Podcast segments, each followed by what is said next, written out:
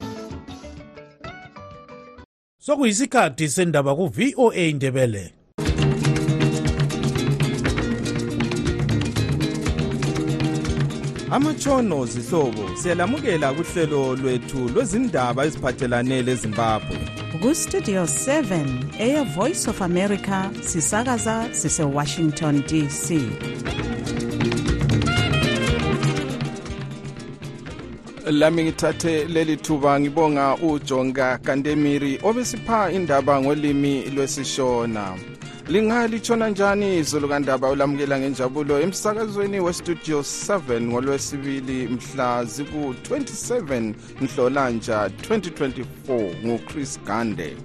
endabeni zethu lamhlanje izisebenzi zezempilakahle zikhangelelwe ukukhalala umsebenzi kunsukwana ezilandelayo zikhala ngeholo eliphansi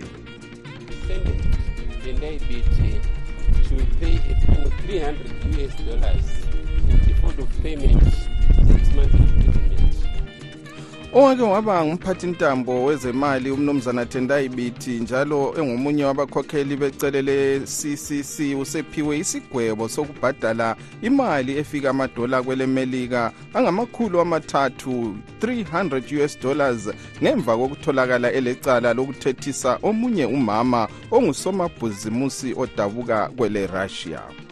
ngesikhathi sibulawa lapha kwakulo wayikhomanda isigaba lesi angapha iphula izwe lakhe sasijayeka ukuthi wayesithi sasithi unayika ngoba nxa wayikhuluma labantu wayethanda ukuthi nayika babeleka umlandeli webandla le-ccc owabulawa ngesihluku lilunga lezanu p f unkosazana mo blessing ali uzangcwatshwa ngomgqibelo ngemva kokuhlala kwesidumbu sakhe emushwari okweminyaka phose emibili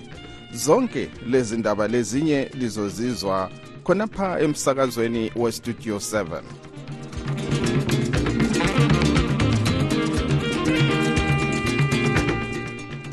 abakuhlangothi lwezempilakahle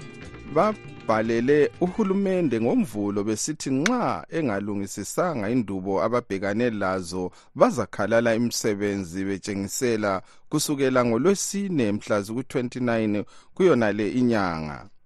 bathi iholo labo liphansi ngalesi sikhathi intengo yempahla eningi ikhuphuka mihla ngemihla njalo ezibhedlela zikahulumende akulamithi lokunye okudingakalayo ukuze benelise ukuqhuba umsebenzi wabo abafundisa emakolitshini emfundo yaphezulu amayunivesithi labo bathi balakho ukukhalala umsebenzi kusasa ngenxa yeholo eliphansi lokunye ababhekane lakho ugatsha lukahulumende olubona ngezemfundo yeprimary lesecondary luqhube umhlangano izolo lenhlanganiso ezimela ababalisi lidinga ukwazisisa indubo abahlangana lazo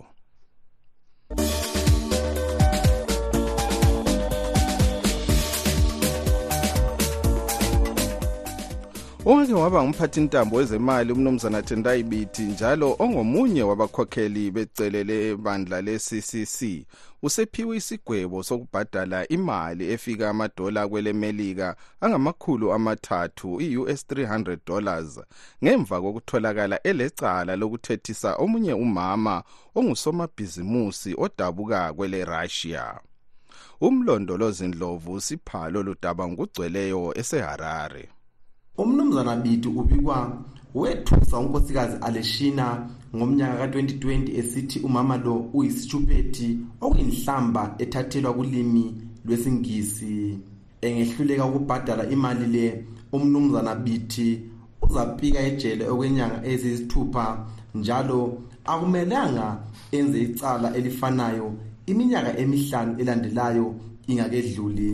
umantshi unkosikazi vonkayi guriro uthe abafakazi kudaba lolu bakhuluma amazwi ahambelanayo awokuba umnumzana bithi wathethisa lumama uguwuriro uthi lokhu kwabangela ukuthi owathethiswayo ethuke kakhulu waze wathwalelwa esibhedlela se-trauma center namhlanje igqwetha likamnumzana bithi umnumzana alec mtshadehama uzame ukuncenga idale likamantshi ukuba aphiwe isigwebo esinganeno ekhuluma lentathelezindaba umnumzana mtshadehama uthe kusobala ukuba icala leli lincane kakhulu they then sentenced tendai bithi to pay a fine of 300 us dollars umanji uthe utendai biti abhadale i-300 us dollars engehluleka uzakuya ejele umanji umnikeze inyanga eziyisithupha esejele kodwa zibekwe eceleni okweminyaka emihlanu nxa engaziphatha kuhle uqhubeke esithi udaba lolu luzakhwezwa edale laphezulu ele hayikhoti ngoba bengasuthiseki ukuba umnumzana bithi wenza leli cala going forward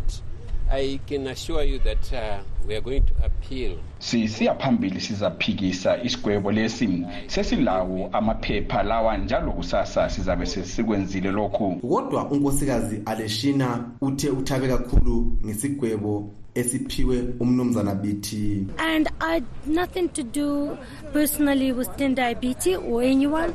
but let him learn the good lessons. Respect women. Angilani lo thin diabetes mina. Kumele afundise ifundo ukuba ahloniphe omama, hatshi omama kuphela, kodwa wonke umuntu. Abatshutshisi bakahulumende kudaba lolu bebefuna umnumzana bithi aphiwe isigwebo esilukhuni besithi ungumuntu omkhulu kakhulu emphakathini njalo waphambanisa ngokuthethisa lumama Baqhubeke besithi umnumzana Bithi kumele aphiwe isifundo ukuze uzulu abekwazi ububi bokwenza icala elifana lelakhe ngimele istudio 7 ngiseharare ngimlondolozi ndlovu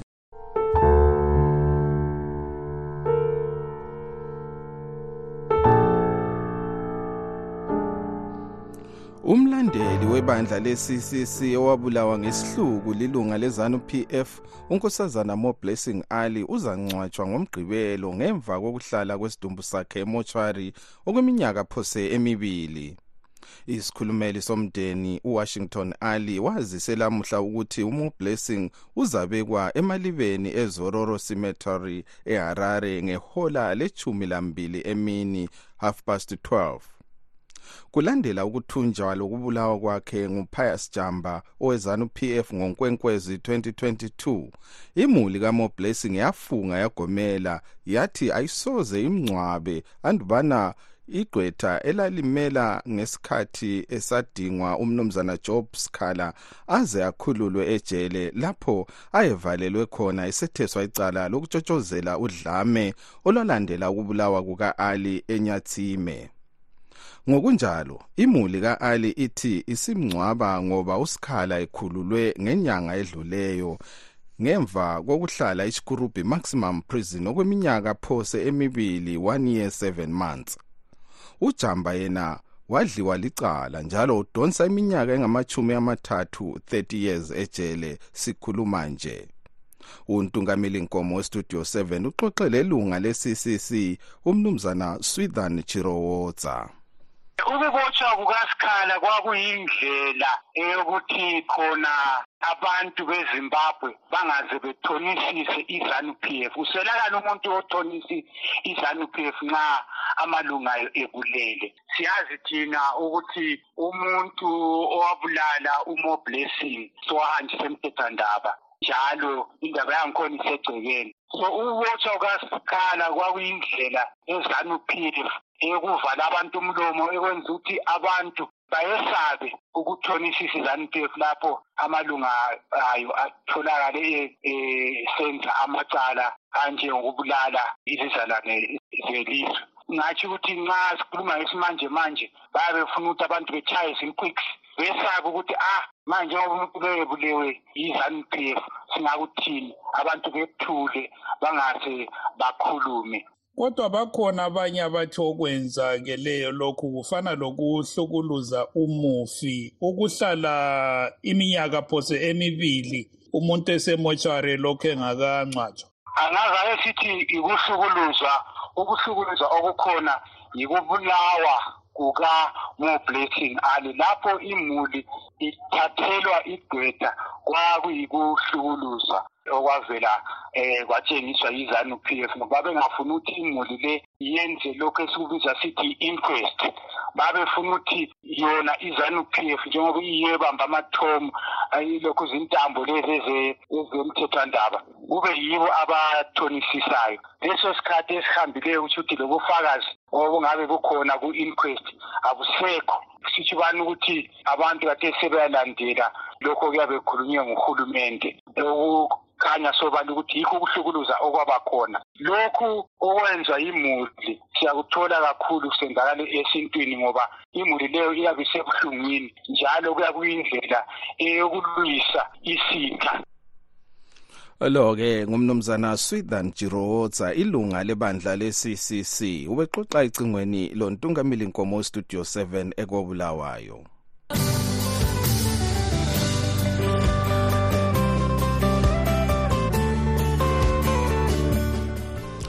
kulandela ukuxabana lokungezwani okwenzakalayo sikhuluma nje kumabandla ezombusazwe aphikisayo ikakhulu ele-ccc bakhona abasakhulayo abaningi abathi ithemba labo lokuthi la mabandla lokhu elakho okufunakalayo ukuthi enqobe izanu p f setshabalala kodwa bakhona abathi akula ngenye indlela impilo zabo ezingaguquka ngayo ngaphandle kokuthi lisuswe embusweni ibandla elibusayo elezanu p f utobias mudzingwa uyalandisa eseharare Sibi isimo esiselizweni ngoba intengo yokudla lenye yempahla iyakhwela mihla ngemihla. Ukuthi idola lakuleli liphela amandla nsuku zonke kanye lokuthi abasakhulayo abalamisebenzi ekhanyayo abayenzayo. Loba ibandla elibusayo eleZanu PF lisetheswa umlandu wokwehluleka ukutholisa abasakhulayo kanye lozulu impilo ehlelekileyo, omunye osakhulayo osekela ibandla leli, uNkosikazi Nyari Bhetshani, uthi ithemba labasakhulayo liqhubeka lisebandleni lakhe. Ontanga bona mele bezithembele nje kuZanu-P F lobabwethu President ED Mnangagwa leVision 2030 ngoba ngeke bethemba i-opposition party ikakhulu leyi i-triple c kambe shuwa kungaba lephathi engelama-structures kuvumbuluke umuntu ethi khona ngu-interim sg bona bemphike bethi ayisuye iqede khonapho ebakhiphe kuphalamende ebarekhole kodwa baphika besithi abamazi kambe shuwa iphathi enjalo ingangena embusweni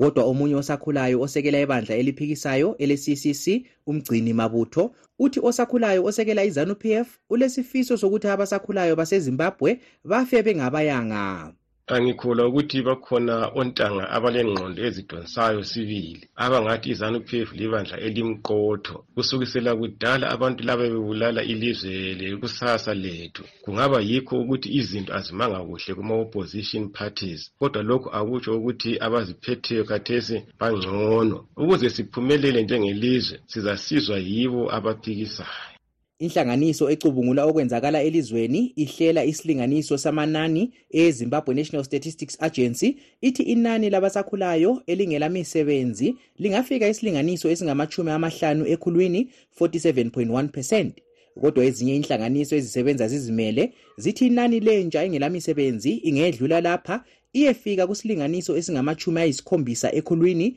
70 percent omunye njalo osakhulayo othi ithemba likumabandla ezombusazwe aphikisayo ngunkosikazi charity sibanda oyisakhamuzi segokhwe Singakhangela emuva sabona ukuthi lapho kwangena khona ibandla le-MDC kuhulumende libambene lelezanu PF yake yabamnandi iZimbabwe. Yisitshengiselo sokuthi abaphikisayo balakho abakulethayo etafuleni okungeneliswa yilaba ababusayo khathesi. Ngisalethemba lokuthi bazalungisa okuhluphayo ukwenzela ukuthi bephenduke beqinile ukuze benqobe ekhethweni luka-2028. kodwa bayalwisana okwamagama abaphikisayo ikakhulu abakubandla le-ccc lelo eselilamaxuku amathathu sikhuluma nje ubekithemba sengwayo uthi amabandla aphikisayo ayafana lenkukhu egijimayo kodwa isiqunywe ikhanda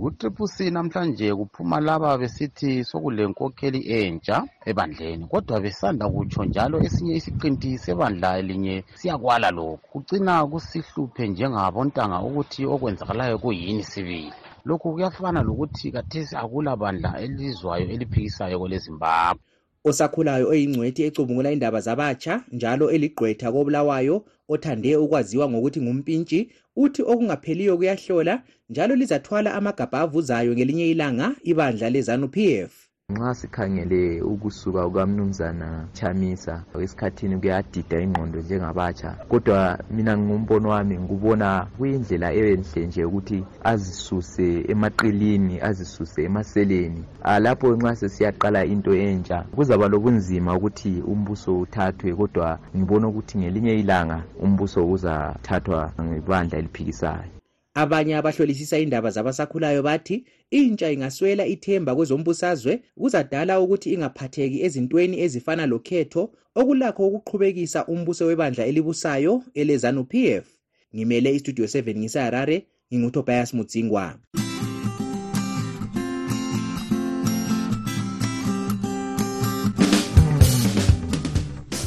kusigaba sezomnotho lamhla sixoxa lo nkosikazi charity nxumalo othengisa impahla emigwaqweni kobulawayo osanda suswa ikhansili enzikini yedolobho leli isithi ilungisa indawo zisemthethweni zokuthengisa impahla itshiyeneyo unkosikazi nxumalo utshele ugibbs dube studio 7 ukuba uthwele nzima ngoba asebolile amakhabishi amabili abezama ukuwathengisa iviki yonke phandle kwendlu yakhe emakhokhoba mkhwenyana lokhu kunzima mkhwenyana vele akusakhulumeki ngoba yinja ngikwazi abantwana ngiyanalamba apheni besizama mkhwenyana sithi siyathengisa lapha emgwaqweni phandle njengoba niyakwazi lokhu ukuthi imisebenzi akula lapha ezimbabwe ngithengisa ungamatamatisi kwami lamakhabithi babuyile basithathela abakhansili bathi siyengena ezitendini siyerenta ngiyarenta ngani ngivele ngingelalutho mkhwenyana singathi kunzima sho mkhwenyana ye singathi-ke nxa kunjalo pho liphila njani njengoba vele umnotho ungani umanikiniki kanje sokunzima kakhulu mkhwenyana sikhathi esithina sesikhalela abantwana sisazikhaleli mina ngiyakwanisa ukulala ngingadlanga kodwa umntwana ngizamthini esikolo bafuna ikhala bafuna kuthiwa kulamakhala lawa abuyayo lawa asefunakala esikolo abanye mbo kuthiwa kufundwa ngamafoni yinto engizayisithi kunzima mkhwenyana ngapha esikolo abala vele izikhalo zethu esikolo zikagavulet ezikahulumende zonezi izikhalo zethu vele abalaleli ngapha kunguye futhi uhulumende osikhipha lapho esizama khona sisebenze ngaphi thina mkhwenyana kunzima suka kunzima lokhu abantwana bazakufa lo nyaka lokuhlala bazahlala siyabhadala ngani fizi yezwa kuthiwa balikhipha khona bemgwaqweni pho leselicina lisiya ngaphile vele mkhwenyana mina amanye amakhabithi amangu-three asebolile endlini ngiyawathengisela ngaphi sengizama khonapha phambi kwendlu emakhokhobela okuthini akuthengwa mkhwenyana abantu lokungcono ngale thawuni manje kulokutshina kuthengwa angu-three amakhabitha sekubolile khonapho muzakwenzani ngakhonokho mama vele angikwazi mkhwenyana angikwazi khonapha siswela yena ongasisiza sibila sikhiphe kulobu bunzima nje asilamulele kunzima lokho kwethu bakithi kambe kuzacina ngani lokho likuzama khonokho hayi mkhwenyana lokho akucini lokhu mina ngibona ngani kuyaqhubeka kusiba nzima kusiba wesi futhi asikwazi ukuthi siyaphephela ngaphi ye kodwa ubona ngazani lilango kwenu lingakenzani ngakho kumbe kuphonga ukugoqa izandla nje lilokhu elisenziwa khonokho abalenza khona kulungisa ukuthi abantwana bakwanisa ukulala bedlile kodwa hhayi lokhu kunzima mkhwenyana siyakhala ukuthi ngabe uhulumende angasizwa lathi izikhalo zethu manje abalandaba lathi lo ke ngunkosikazi charity nxumalo othenga ethengisa impahla emigwaqweni obexoxa ecingweni logibs dube westudio 7 esemakhokhoba kobulawayo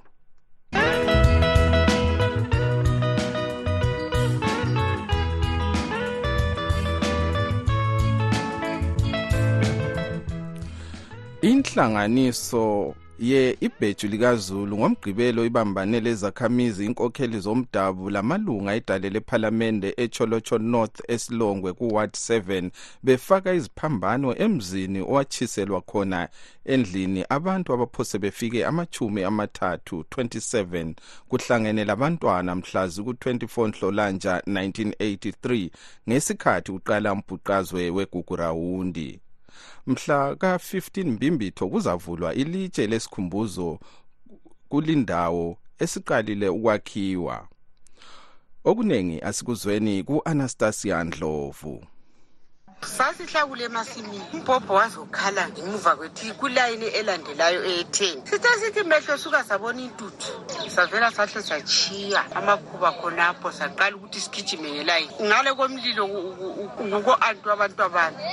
kobabazala kwakula ngapha manje sokunzima nga ubabazala wathi mna ngiyindawo kuzatshisa umuzi wami umamazala wathi wena dinga abantu bekubhabhilisa abantwana sikabi umnumzana rodias mpofu uthi umuyi owayengumkhokheli weViolet Fifth Brigade uPerence Shiri bamupha ibizo ngoba wathi ekhuluma labo emihlanganweni wayekhuluma ngolimi lwesiShona. Eh thina ngesikhathi sibulawa lapha kwakulo wayecommand isigaba lesa ngapha iphumula ibizo lakhe sasijaya wayesithi sasithi uNayika ngoba nxa wayekhuluma labantu wayethanda ukuthi Nayika babhele ngoba khonapho kuzazi kuzobulawa bona abantu besilonke waqala kwabiza umhlangano wesigaba sonke ephumula wakhulunywa kabanzi esithi abantu bagcina ama-distance bona uba mnini muze nalo okwatshileliswa khona abantu wayengumuntu omdala kakhulu waphakamisa isandla wathi naye bona ama-distance abawazi usethulo ndebele upr mat north edale lephalamende uthi uyathinteka ngodaba lombhuqazo etsholotsho ngoba lemuli yakhe yahlaselwa okungithinta kakhulu kazi yikuthi into likhanya egurawundi yenzakala kakhulu etsholotsho ngoba lami ngiyisizalwane njalo thina sinyekela njengabahlali besilonke ukuthi sizigcinele lezo zindawo kube yithi esizipha i-ona into leyi iyakhanya ukuthi iyabihlezi imhlukuluza ngaphakathi ilunga ledale lephalamende echolotsho north umnumzana libion gombalume sibanda uthi uyise laye wabulawa ngumbhuqazwe ngakho abantu bengesabi ukuphuma bekhulume ngodaba lolu ngesikhathi inkokheli zomdabu sezibabiza kumihlangano yodaba lolu kuphephethetho zabuya khona le-victim behlale ndawonye bekhulumisane lokhu ngakwenza ngambulala sibili kwanesathi ngesososo kwakuyini anyway ngizalinda sibone ukuthi abadala bona bazabuya besiphathile abebhetshu likazulu bathi ekwembulweni kwelitshe abalakha esilonkwe mhla ka-15 mbimbitho bazahle bathathe lelo thuba lokuphatha umthandazo wesikhumbuzo ngelanga elilandelayo bathi bazaba lomunye umbuthano womthandazo emkhonyeni line lapho okwatshi kubuyiselwa khona abantu abanengi benika inhlonipho abesifazana bonke abahlukunyezwa ngesikhathi sombhuqazwe njengoba kuyinyanga yokuqakathekisa imisebenzi yabesifazana i-women's month ngimele umsakazo westudio 7 ikobulawayo ngingu-anastasia ndlovu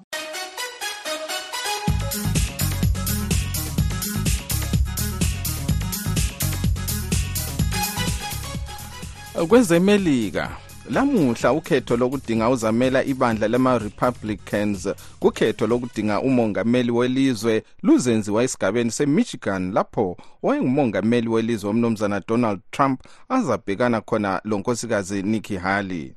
uhali nguye yedwa osesele ephikisana lotrump lanxa elokhu enqotshwa kuzigaba zonke ezibalisa lesesouth carolina lapho adabuka khona ucwaningo olusanda kuqutshwa luveza utrump esenguchiki lobhanqa lomongameli joe biden ukuhlaziya lolu daba sixoxe lo mnumzana tim muringayi olandela ezombusazwe welemelika Eh mina mbona nganthiwa i-election lay izahamba down to izinto ezimbili one i-economy and two ukuthi abantu bayabe bebheka njani umongameli ubiden ngoba siyakwazi sonke ukuthi um nganthiwa sekhulile or seluphele but um ingqondo zakhe lokhe zisebenza so yikho esikubonayo kwakathesi ngoba asiboni okuba yilodlakela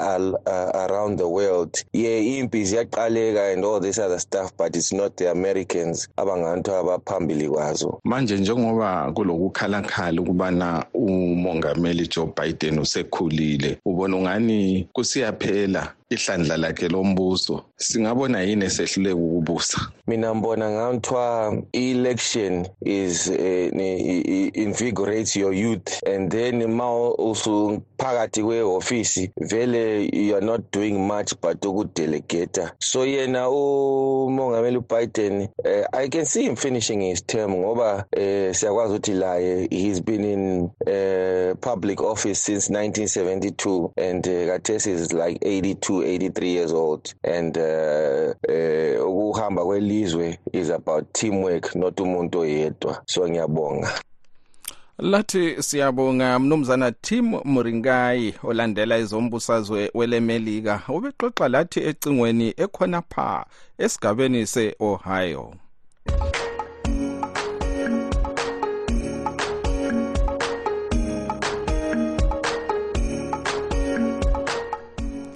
okwamanje sengidedela emuva ngilichiya-ke ezandleni zenu lina balaleli bethu kumbiko yenu elisithumele nge-whatsapp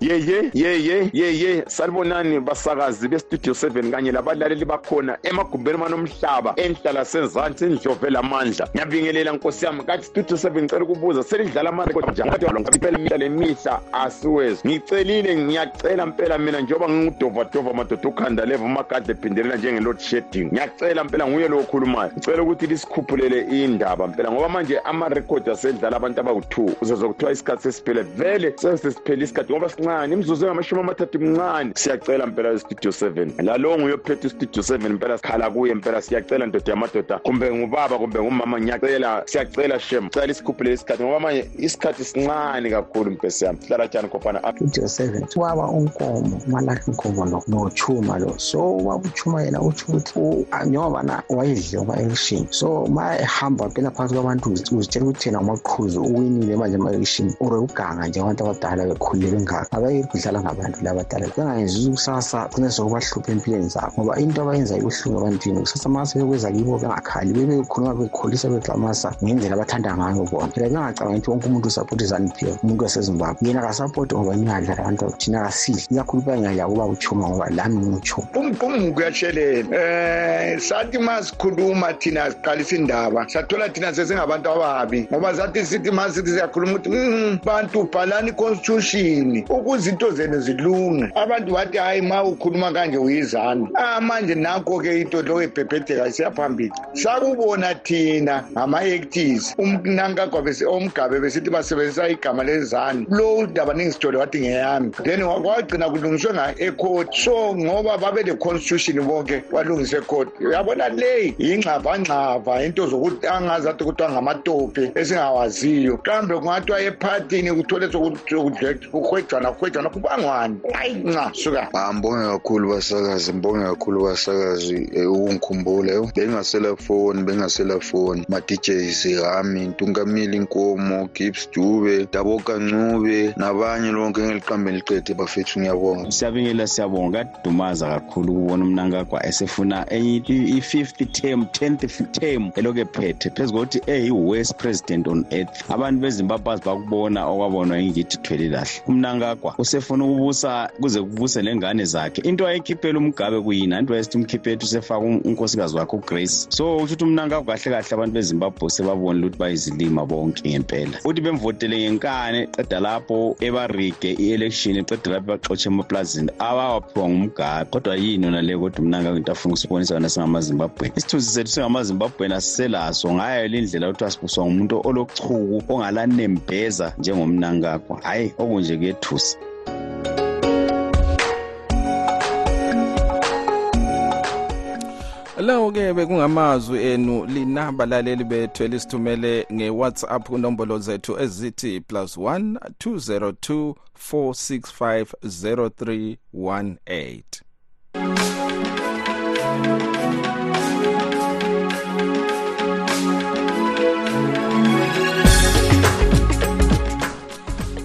lamhlanje kuhlelo live talk kugatsha lwethu lapho lohlelo esikhangela khona ezabakhulayo sikhangela isimo semfundo elizweni ngesikhathi abafundisa emakolitshini befuna ukukhalala umsebenzi besithi iholo labo lincane kuthi ngakwelinye icele lezifundi lazo zikhala ngokuthi imbadalo ezihlawulayo iphezulu kakhulu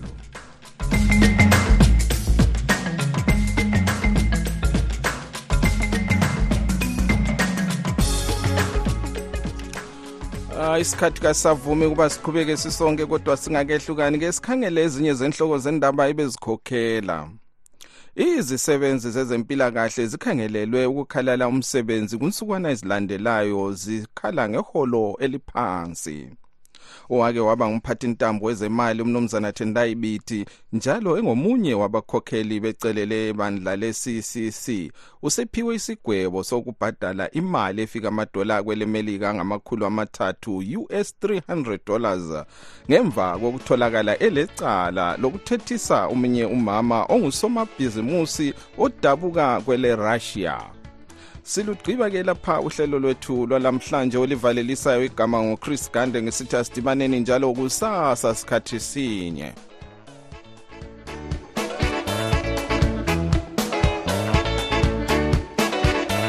siyalibonga ngokulalela kwenu asibeke ithuba elifanayo kusasa kustudio 7 kusukela ngo-half past 7 kusiya ku-8 o'clock ntambama kuhlelo lwezindaba zezimbabwe